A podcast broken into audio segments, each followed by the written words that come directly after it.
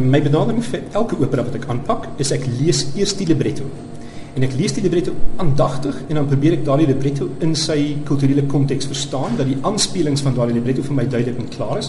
En dan kyk ek hoe die komponis daardie libretto vertoon.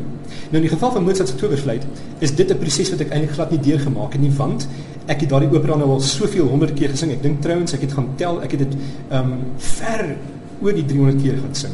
Ja. Ek dink dit is nader aan 350 as 300 keer. So ek het natuurlik nie die normale proses wat ek met 'n onbekende opera sou doen uh, deurvolg hier nie, want ehm um, ek het dit soveel aande gesing en kon soveel aande vasstel waar die spanningslyn goed loop en waar die spanningslyn dan ook homself maar verloor op 'n manier. Ek het produksies gedoen baie goeie produksies was van fantastiese regisseurs. Ek het egter ook 'n paar regte tamaletjies daar in Europa moes sing wat die ouens nou net nie mooi geweet het wat hulle doen nie. So ek kon daarvan profiteer, maar my uh, benadering is altyd om te sê wat wou die komponis en sy librettis met hierdie stuk sê. Mozart en Schikaneder wou met hierdie opera in die tradisie van die sogenaamde Weense toweroperas pas. Daar was 'n tradisie van 'n baie populêre tipe van opera wat 'n Duitse singspiel is. So dis 'n opera met gesproke teks en eerder op die ligter trant want dit was 'n pendant vir jou baie meer uh, gesofistikeerde opera seria met uh, libretti van mense soos byvoorbeeld Metastasio. En hierdie opera is in Duits natuurlik gesing, so die mense kon een tot een verstaan wat gesing word. Dit is baie belangrik en dit was volksna, baie volksna. En dit het gespuis uit drie verskillende bronne van teks. En een van die teksbronne was 'n uh, bundel van uh, verhale wat ou vandag maar kan sê dit was hulle pulp fiction van die dag met verhale soos byvoorbeeld Lulu en die Zauberflöte, der lustige Derwisch, um uh, baie baie eienaardige dinge um waarin altyd die elemente van uh, fantastiese figure met uh, onbekende wêrelde met um, tower uh, elemente uh, en natuurlik in Mozart se opera. Is dit dan ook so? Daar is mense wat deur die lug moet vlieg en ander mense wat uit die grond uit moet kom en geeste wat verskyn en verdwyn en 'n koningin van die nag wat um, wild uh, sing en 'n demagoog wat uh, sy uh, filosofie wil um, vertel ensovoorts ensovoorts Ehm um, en ek het gedink, hoe kan ek dit effektief vertel vir die gehoor van vandag? En ek het net twee woorde gevind: Star Wars. Ehm um, dit gaan uh, in die Zauberflöte oor uh wat 'n mens sal sê in Duits, Erleuchtung. Iemand moet uit die donkerte in die lig gevoer word. Hy moet begin klaar sien. En trouens is dit die filosofie wat die hele 18de eeu uh beheers het. 'n Filosofie waarin mense sê menslike denke uh ons uh manier om uh, vernuftig oor dinge te dink, het aller vorms van goedes waarin 'n mens glo sonder dat jy dit kan bewys. Ehm um, ek weet nie wat is nou die regte Suid-Afrikaanse Afrikaanse woord vir aberglaube. Maar dit is eintlik maar so 'n um, ehm, valse geloof wat jy in dinge uh, het op 'n manier. Ehm mm um, en as jy meer kennis oor dinge het en jy en jy kry wysheid, dan word jy verlig en in daardie verligting eh, kan jy dan dinge herken wat jy andersins nie herken nie. En dis eintlik wat met Prins Tamino in die Towerfluit gebeur, maar dis ook presies wat met Luke Skywalker in uh Star Wars gebeur. Ja. Dan is daar nog 'n interessante ding in die ontstaan van die Towerfluit is daar 'n teorie van musikoloë wat sê Mozart en Schikaneder het eers begin om die storie op een manier te skryf naamlik dat die koningin van die nag eintlik maar die goodie was en Sarastro was nou eintlik maar die slegte ou. Maar toe op 'n stadium as gevolg van verskeie dinge, onder andere ook dat daar ander operas in hulle omgewing uitgevoer is, want die mense moet ver, moet nooit vergeet nie, opera was altyd kontemporêre musiek en amper uitsluitlik kontemporêre musiek tot en met die 20ste eeu. Um, ek wil daarbey nie om uh, sê ons moet nou almal net moderne opera sing nie want daar is 'n ander aspek wat ek maar net kort kan noem voor ek nou weer terugkom na jou vraag toe, naamlik dat baie moderne komponiste vandag die menslike stem en sy moontlikhede nie verstaan nie uh en Mozart en die mense in sy tyd en voor hom met die menslike stem en die moontlikhede om liries met die menslike stem om te gaan by uitnemendheid uh, verstaan, ja. Maar ja, dis 'n ander tema waaroor ons 'n ander dag kan praat. Terug na die na die Zauberflöte toe. Um in die uh saga van Lukas is ook uh Darth Vader 'n figuur wat ou uh, eerste keer sien as 'n baie donker figuur en mense kom dan eers eintlik later agter in die opera dat dit die pa is van Luke Skywalker en die beroemde uh, sinnetjie van sê Luke I am your father dan na met die groot asemhalings uh, geroggel van uh, Darth Vader is uh, dit is die dit die ikoniese status en ek dink dit is uh, baie passend ook om dit in die Zauberflöte te gebruik. Um uh, ek het Star Wars geleer ken in Suid-Afrika voor ek die Zauberflöte eintlik leer ken het. In Duitsland is dit heeltemal andersom. Daar begin kinders natuurlik om van 'n baie vroeë ouderdom in dieselfde flutte te leer ken. Dis 'n toegangsopera vir baie mense tot opera en is dikwels die eerste opera wat baie mense sien. In Suid-Afrika is dit waarskynlik vir volwassenes ook die geval. Ja. En ehm um, vir my is daar nog so 'n klein toetsteentjie in die benadering ook. Ek vra as die komponis en celebrities dit sou regkry om by een van ons voorstellings op te daag, wat sal hulle daaroor dink? En my uh, abs my, my doelwit as regisseur is om soos wat die mense in die 18de eeu ook gesê het, movere, docere et dilettare.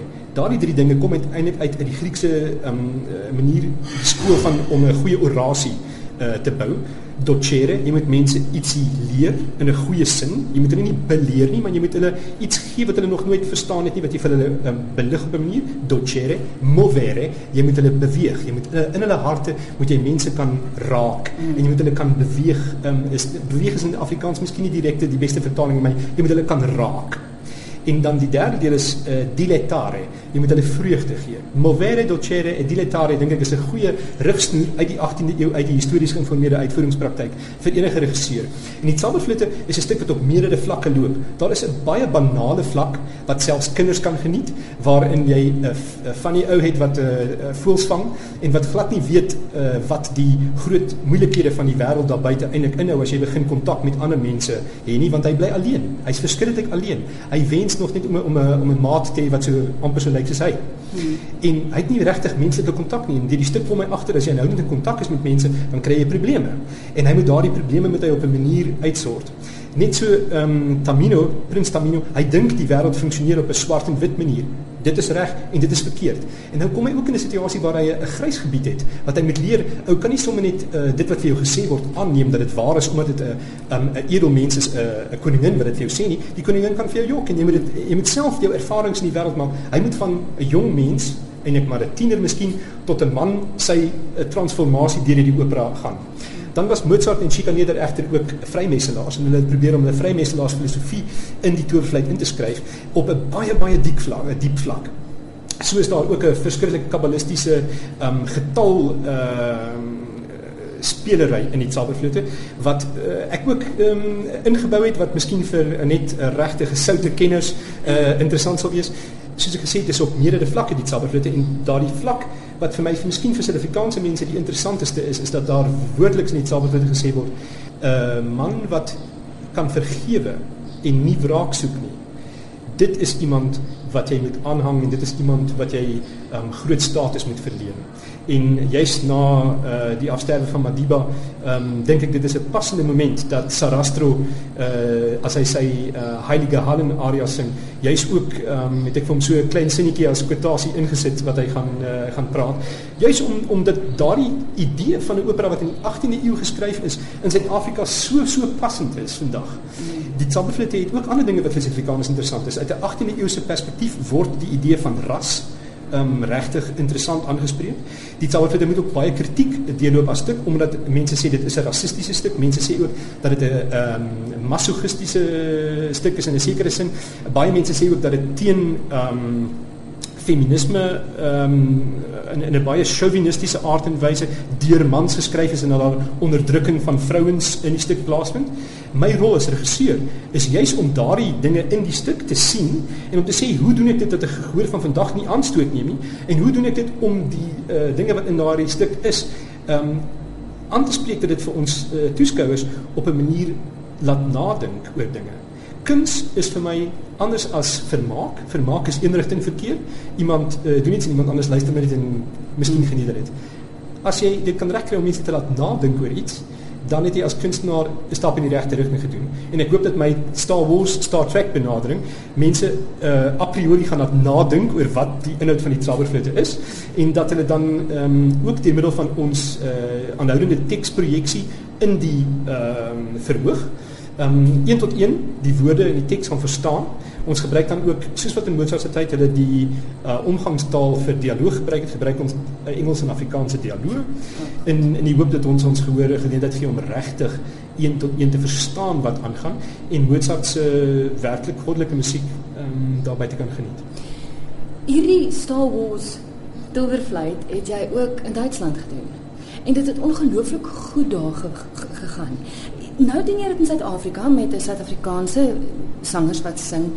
Moes jy dit anders doen vir hier in Suid-Afrika? Want ek meen, die ouens in Duitsland, soos jy vroeër ook genoem het, het groot geword met opera. Moes jy dit bietjie aanpas of doen jy dit presies soos jy dit in Duitsland gedoen het?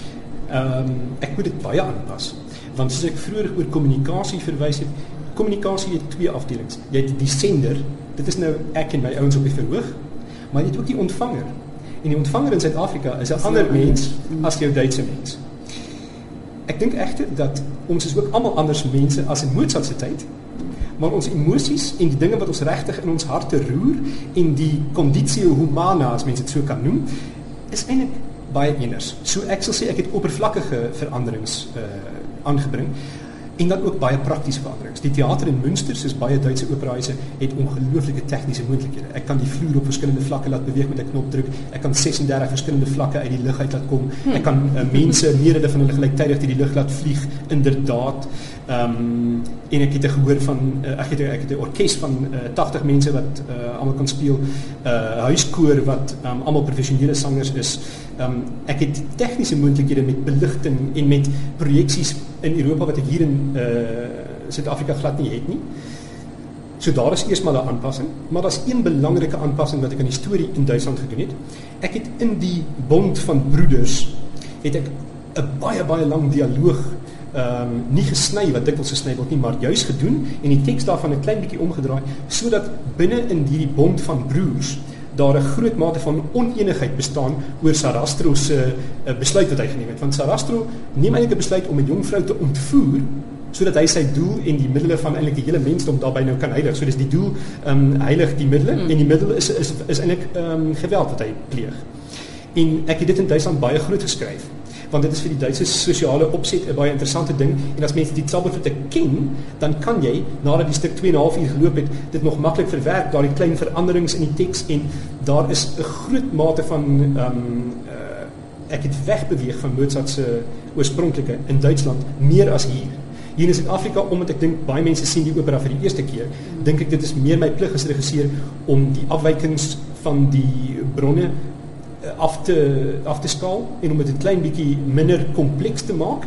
Nie omdat ek 'n gehoor onderskat nie, daar is nog genoeg dinge wat ons Suid-Afrikaanse mense uh, as fyn nuance in die verloop van die storie kan erken.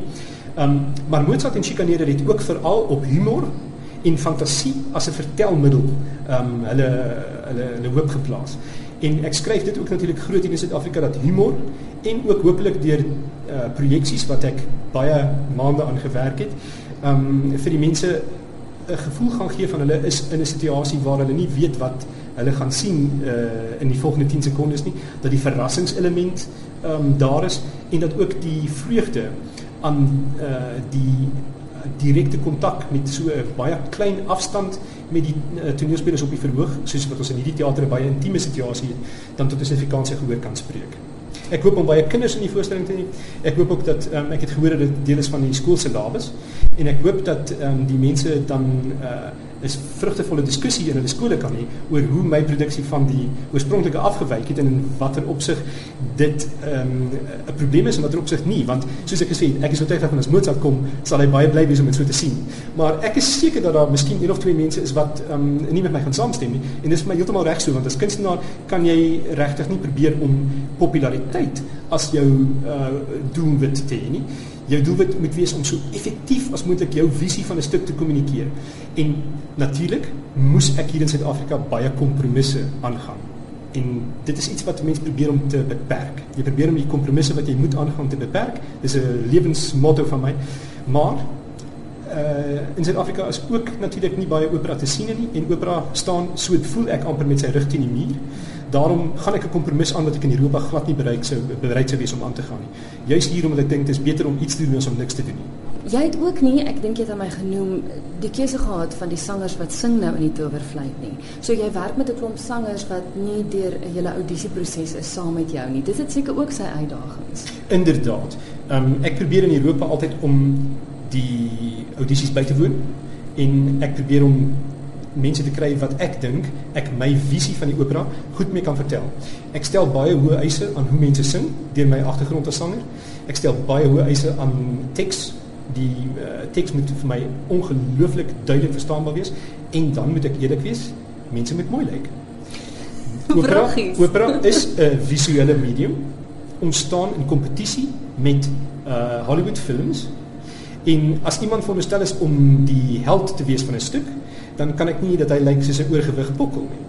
Jy's baie reg. as iemand die romantiese hoofrol vers, uh, moet sing, as sy 'n vrou is wat die rol van die skone Helena moet sing dat duisend skepe van reg oor die hele Mediterrane um, oseaan nou ewe skielik almal in hulle skep gaan spring om haar te gaan red, dan help dit nie as sy lyk soos 'n uh, yskas met 'n rok aan nie. Dit is eenvoudig so ek ek, ek stel dit nou baie blaatant, maar um, opera is visueel.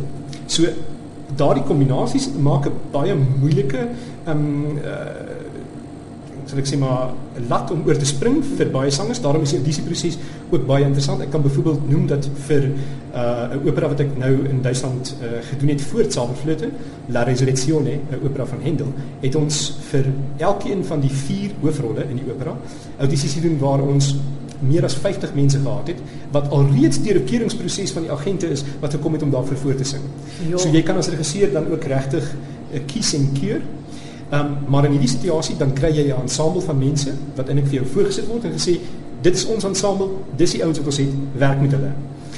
En ek werk graag met mense, ek werk graag met jong sangers en ek dink dat ons sangers in die Zauberflöte ook iets kon leer by dit wat ek uit my ervaring vir hulle kon gee en ek help graag as ek kan daar is egter enorme uitdagings wat aan die tyd wat hulle geseer het om met mense te werk afbreek maak as mense nie goed voorberei is nie.